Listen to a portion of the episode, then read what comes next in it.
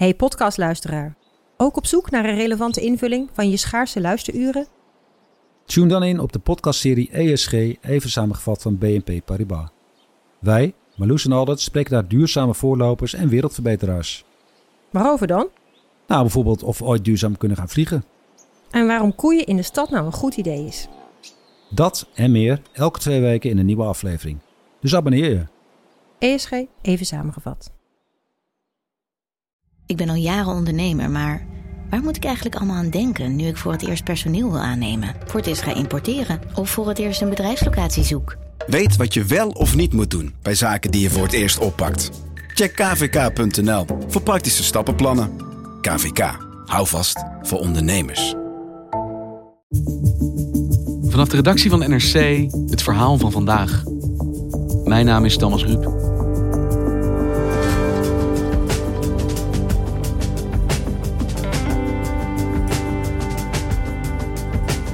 Vandaag, tien jaar geleden, op 14 oktober 2010, trad Mark Rutte aan als minister-president van Nederland. Niemand die dat toen zag aankomen. En nu, tien jaar later, lijken hij en zijn partij onaantastbaar. Petra de Koning volgde Rutte op de voet en schreef een boek over hem. Hoe weet hij aan de macht te blijven? Wat is de methode Rutte?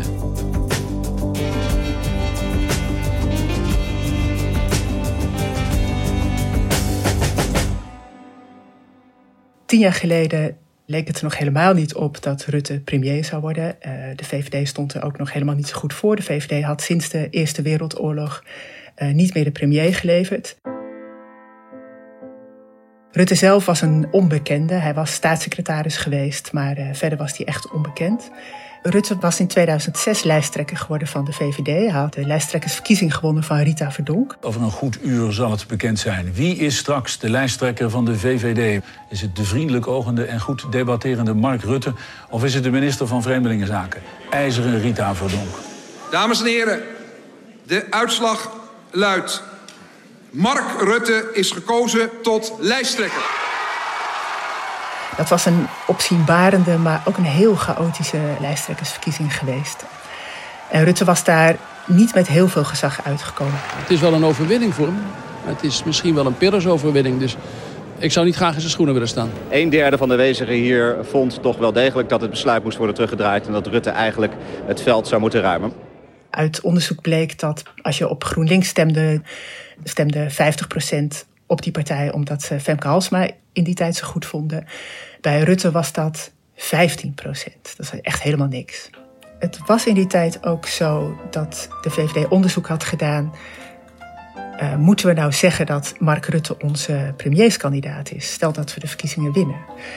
En toen hadden ze, het bleek uit onderzoek dat ze dat beter niet konden zeggen. Dus hij, hij zei ja, hij zei in die verkiezingscampagne van 2010, dat is nu ongelooflijk om je voor te stellen. Als de VVD de grootste wordt en er komt een ingewikkeld kabinet uit, kan ik beter fractievoorzitter worden. En dan kan bijvoorbeeld Nelly Kroes premier worden. Dat was zijn boodschap. Stem wel op mij, maar nee, ik zal heus geen premier worden. Daar zet ik gewoon een veel prominenter figuur voor in. Dat was toen het verhaal van de VVD. En iedereen wist in de VVD-top, als het zover komt, uh, gaat hij echt wel premier worden, want hij laat die kans niet lopen. Dus publiekelijk zei hij: Nee, ik word geen premier. Uh, ook al zelfs al win ik, dan, dan is dat niet iets wat ik wil. Maar privé had hij al besloten: ik ga dit gewoon worden. Ja, dat wilde hij al vanaf de middelbare school, ja. Mensen, het ziet er naar uit dat voor het eerst in onze geschiedenis de VVD de grootste partij van Nederland is. Ik ben de lijsttrekker van de VVD. Het lijkt erop dat wij de grootste partij zijn geworden. Dus uiteraard ben ik de kandidaat voor minister-presidentschap. Want hoe kwam hij bovendrijven in die verkiezingen? Ik denk in de eerste plaats dat de VVD in 2009 een hele goede campagne had gevoerd. Die partij wist door nieuw en heel precies kiezersonderzoek echt wel nieuwe groepen aan zich te binden. Ondertussen was ook de economische crisis uitgebroken. En traditioneel zien kiezers dan uh, veel in de oplossingen van de VVD. Dat speelde waarschijnlijk ook mee. En Rutte zag zelf allerlei mogelijkheden, vooral in de versplintering van de politiek. Hij had dat al vanaf 2002 gezegd als staatssecretaris. Uh, de VVD kan de grootste kleine partij van Nederland worden. En ik premier. Hij werd er ook wel om uitgelachen. Uh, maar hij had die beweging wel gezien. De LPF, de lijst Pim Fortuyn, was uit het niets opeens heel groot geworden. Het CDA was heel veel kleiner geworden. En dat maakte ook dat Rutte daarna premier kon worden en blijven. En vandaag is het dus precies tien jaar geleden dat Rutte premier werd voor het eerst. En dat heeft hij tien jaar vastgehouden. En je hebt daar net een boek over geschreven, dat net is verschenen. Ja, klopt. Ik heb hem als politiek redacteur eh, van NSC de afgelopen jaren van dichtbij gevolgd. Soms voor hele lange verhalen. Uh, ik was van plan om dat nu weer te doen. Ik dacht, tien jaar premier, dan maak ik daar een groot project van. hoe is die zo geworden tot wie die is? Ik heb heel veel mensen gesproken die hem hebben meegemaakt in de VVD, die hem hebben meegemaakt vroeger op school, die hem al heel lang heel goed kennen.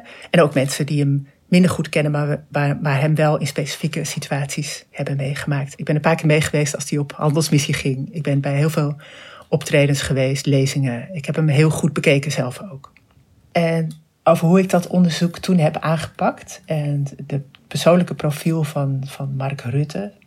Wie, wie is hij nu echt? Want iedereen herkent hem, maar wie kent hem nu? Daar heb ik het uitgebreid over gehad in een andere podcast van NSC, Haagse Zaken. Ja, we zullen daarvan anders eventjes een link uh, in de omschrijving van de aflevering zetten in de app. Maar waar ik het toen veel minder over heb gehad, is een ontwikkeling als VVD-leider en premier.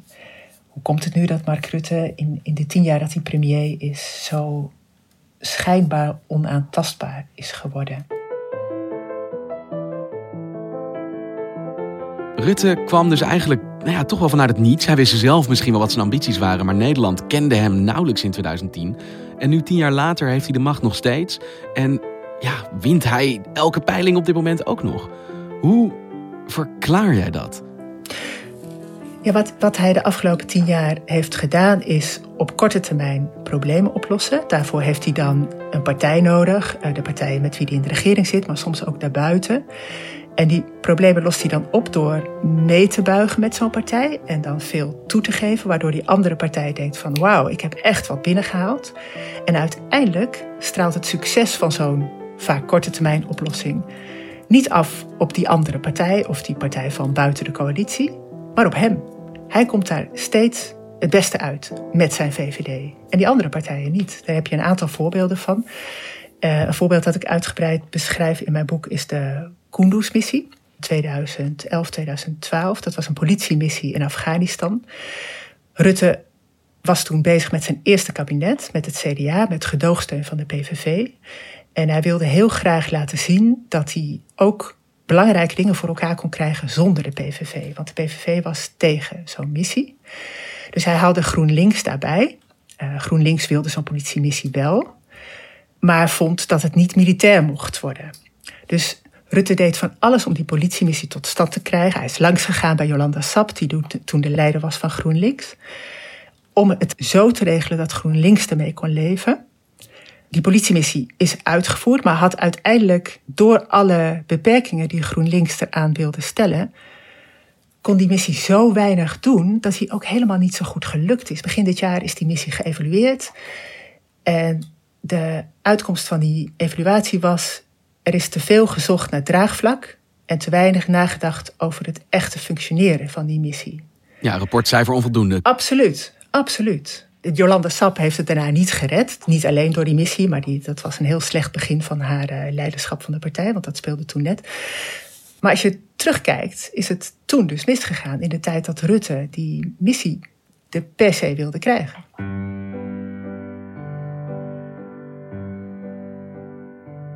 Een ander voorbeeld is uh, Rutte 2 met de PvdA. Uh, dat was midden in de economische crisis. Het is enorm hervormd in de sociale zekerheid en in de zorg. Als je kijkt hoe Nederland uit Rutte 2 kwam, uit het kabinet Rutte 2, dan waren de inkomensverschillen kleiner geworden, de werkloosheid was veel lager, de overheid was groter geworden. Allemaal dingen die de PvdA wil en in zijn verkiezingsprogramma heeft staan. Ja, het lijkt wel groene vinkjes voor links. En toch kwam de VVD daar met tien zetels winst uit, die regeerperiode. En de PvdA leed een historisch verlies en ging van 38 naar 9. Dat is toch ongelooflijk? Ja, want hij lijkt te doen wat de andere partij eigenlijk zou willen. En toch profiteert de andere partij daar niet van. Precies. Je kunt zeggen dat Rutte met zijn VVD enorm heeft geprofiteerd van de splintering in de politiek de afgelopen tien jaar. En daarvoor een flink deel ook zelf de veroorzaker van is geweest. En zo staat hij nu ook bekend op het Binnenhof. Als je met Rutte gaat regeren, dan word je politiek half dood gedrukt. Hij verleidt anderen om ja, met een mee te rekken eigenlijk. Maar uiteindelijk is niemand zo buigzaam en de rest knapt terwijl hij gewoon terugveert. Ja, dat is een hele mooie samenvatting. Hij buigt mee. Hij krijgt voor elkaar dat mensen met hem samenwerken en in zijn probleemoplossing meedenken, meedoen. En wie er uiteindelijk onder leidt, is bijna nooit Rutte zelf. De brokstukken zijn voor anderen, de glans is voor hem. Precies. Elke partij is daar heel beducht voor. Dat zag je ook in zijn derde kabinet de afgelopen jaren. Uh, ze proberen vanaf het begin heel nadrukkelijk hun eigen verhaal te blijven vertellen. Om niet hetzelfde te laten gebeuren als met de PvdA. Weet je, dat je helemaal, helemaal wordt weggedrukt. Met dat idee stappen ze er ook echt in. Van, oh, we moeten hiervoor gaan waken. Dit is wat er gebeurt bij Rutte. Dit gaat ons niet overkomen. Dat was een schrikbeeld voor die andere partijen. En je ziet in de peilingen dat alleen de ChristenUnie op winst staat. En de andere partijen op verlies. Het gebeurt dus gewoon eigenlijk weer. Het gebeurt opnieuw. Want als iedereen elke keer met de scherven achterblijft van regeren met Rutte. En iedereen weet, oh man, dit doet gewoon pijn. Waarom wint hij dan toch wel elke keer? Waarom dan toch tien jaar Rutte aan de macht? Ja, dat is iets wat hem enorm kenmerkt. Dat uh, fouten en verkeerde inschattingen zo van hem af lijken te glijden. En dat, dat die bleven niet aan hem kleven. Dus hij heeft ook in zijn hele carrière enorm veel fouten gemaakt. Politieke, grote politieke inschattingsfouten. Dat brengt mij bij een onderwerp wat dreigt onderbelicht te blijven, namelijk de dividendbelasting. De afschaffing van de dividendbelasting, die uh, misliep en die hij tot het uh, laatst toe bleef volhouden, wat echt de steun voor grote bedrijven was. Beloftes die hij niet is nagekomen, zoals de 1000 euro voor elke hardwerkende Nederlander, de hypotheekrenteaftrek, waar niks aan zou veranderen en waar toch elke keer van alles aan is veranderd. En wat bij de VVD ook nog steeds geldt als een enorme fout, is de inkomensafhankelijke zorgpremie, die in het regeerakkoord van Rutte 2 stond met de PvdA. Die betekende dat mensen met een hoog inkomen opeens heel veel meer voor hun ziektekostenpremie gingen betalen en mensen met een laag inkomen heel veel minder. Dat was een enorm nivellerende maatregel. De VVD stond totaal op zijn kop. Vooral ook omdat Rutte zelf een paar jaar eerder op een congres grappen had gemaakt over wat je krijgt als links aan de macht komt. Dus niet de VVD, maar links. Waar ik ook zo'n hekel aan heb bij links, oh vreselijk, is dat nivelleren. Als het aan links ligt, dan hebben we dadelijk in Nederland inkomensafhankelijke krentenbollen.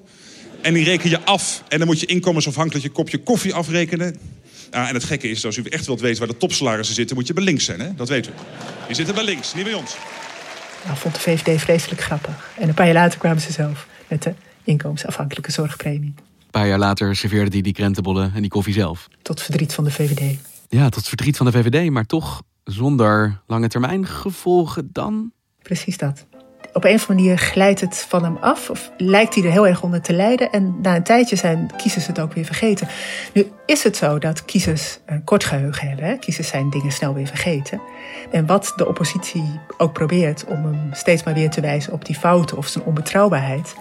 Uit recent onderzoek, een paar dagen geleden nog, van INO Research, bleek dat ze kiezers ook van heel veel andere partijen hem nog steeds als de meest betrouwbare premier zien. Want ben jij er in jouw onderzoek en iedereen die je over hem sprak, aan jouw gesprekken met hemzelf, achtergekomen wat het nou precies is in hem, waardoor hij hier altijd mee weg kan komen? Waarom dat lukt? Dat heeft ook te maken met de VVD. Het is een campagne technisch gezien een hele slimme partij. Zij weten steeds weer te bedenken welke boodschap dan aankomt en hoe ze Rutte dan weer moeten gaan neerzetten. Dus hij heeft die gebroken verkiezingsbelofte, daar heeft hij toen sorry voor gezegd. Excuses is een beladen woord. Ik betreur dat. En ik zal daarvoor komende week de Tweede Kamer mijn excuses aanbieden. Excuus, excuus, excuus. En uit onderzoek bleek dat dat werkte. Kiezers accepteerden dat. Hij had sorry gezegd en uh, ging met de schone lei weer verder. Maar dat verklaart niet waarom politici al die tijd wel met hem in zee blijven gaan. Nee, het komt er ook lang niet altijd alleen door Rutte dat het fout gaat bij die andere partijen. Het CDA bijvoorbeeld uh, heeft zwaar geleden onder de samenwerking met de PVV in het eerste kabinet Rutte. En daar is het CDA onderling veel ruzie over blijven maken. Dat je daar dan kleiner uitkomt, is ook logisch. Dat hebben ze dus zelf gedaan. Voor andere partijen kan het natuurlijk ook een voordeel zijn om met Rutte samen te werken. Uh, voorbeeld is Henk Otte, ex-Forum voor Democratie, die in de Eerste Kamer de stikstofplannen van het kabinet heeft gesteund. In ruil voor een mediamoment op het uh, torentje. Henk Otte werd gesprekspartner op het torentje. En ze werden het eens. Ik heb letterlijk gezegd tegen de minister-president... Uh, wij hebben deze rotzooi niet gecreëerd, dat hebben jullie gedaan. Maar we gaan wel helpen in het landsbelang. We nemen onze verantwoordelijkheid om het op te lossen. Dat is voor Henk Otte belangrijk, want dan krijgt hij aandacht. En Rutte had de steun van hem binnen voor zijn plannen in de Eerste Kamer. Tot nog toe, want is deze politiek van korte termijn oplossingen eigenlijk succesvol te noemen in Den Haag? Het ligt er natuurlijk aan hoe je dat bekijkt. Voor de VVD is het, is het steeds heel goed uitgepakt. Um, maar als je een Tweede Kamer hebt met zoveel kleine partijen, is het voor de bestuurbaarheid van Nederland natuurlijk niet heel gunstig. Dat je een regering moet samenstellen met misschien wel vijf of zes partijen, een volgende regering. Dus als je zo'n versplinterd politiek landschap hebt, betekent dat wat voor Nederland. Dat betekent wat voor de bestuurbaarheid van Nederland. Uh, reken er maar op dat een volgende kabinetsformatie, als het zo gaat zoals de vorige keren, dat de VVD groot wordt en de anderen redelijk klein blijven, dat het heel lang gaat duren. Dat het heel ingewikkeld is om uh, een nieuwe regering samen te stellen. Dus die versplintering die hij creëert levert hem misschien wel succes op bij verkiezingen sneller, maar het maakt regeren ook voor hem dus steeds moeilijker. Reken maar, ja.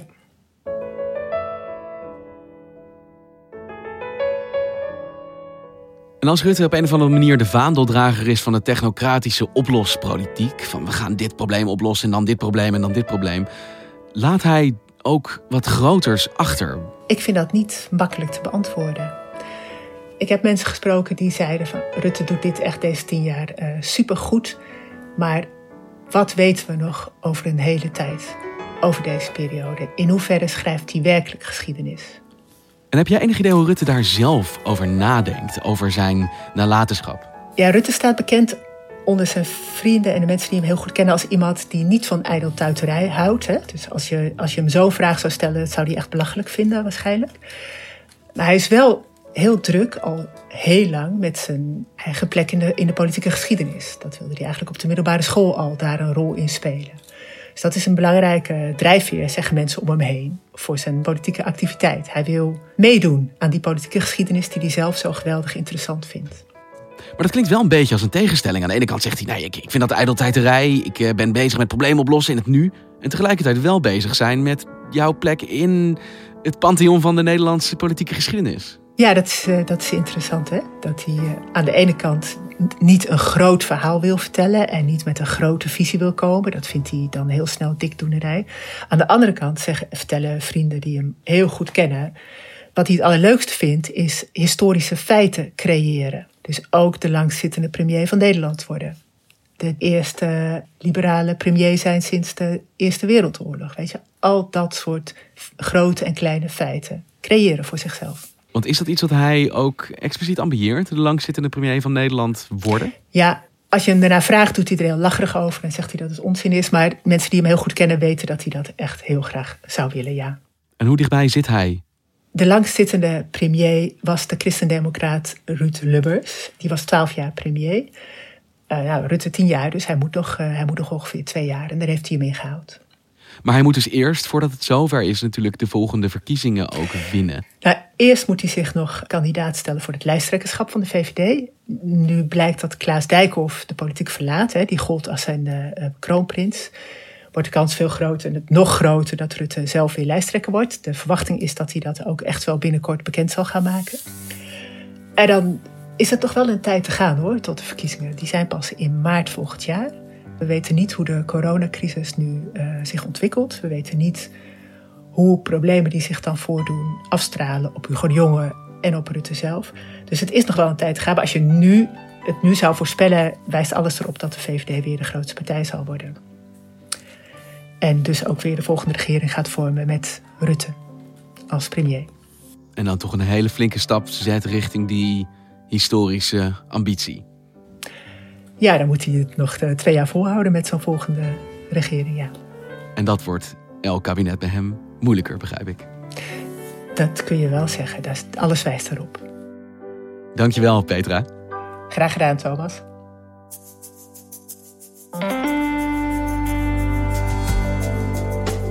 Je luisterde naar vandaag, een podcast van NRC. Eén verhaal, elke dag. Deze aflevering werd gemaakt door Henk Ruigrok van der Werven en Jan-Paul de Bond. Chef van de audioredactie is Anne Moraal. En dit was vandaag, morgen weer.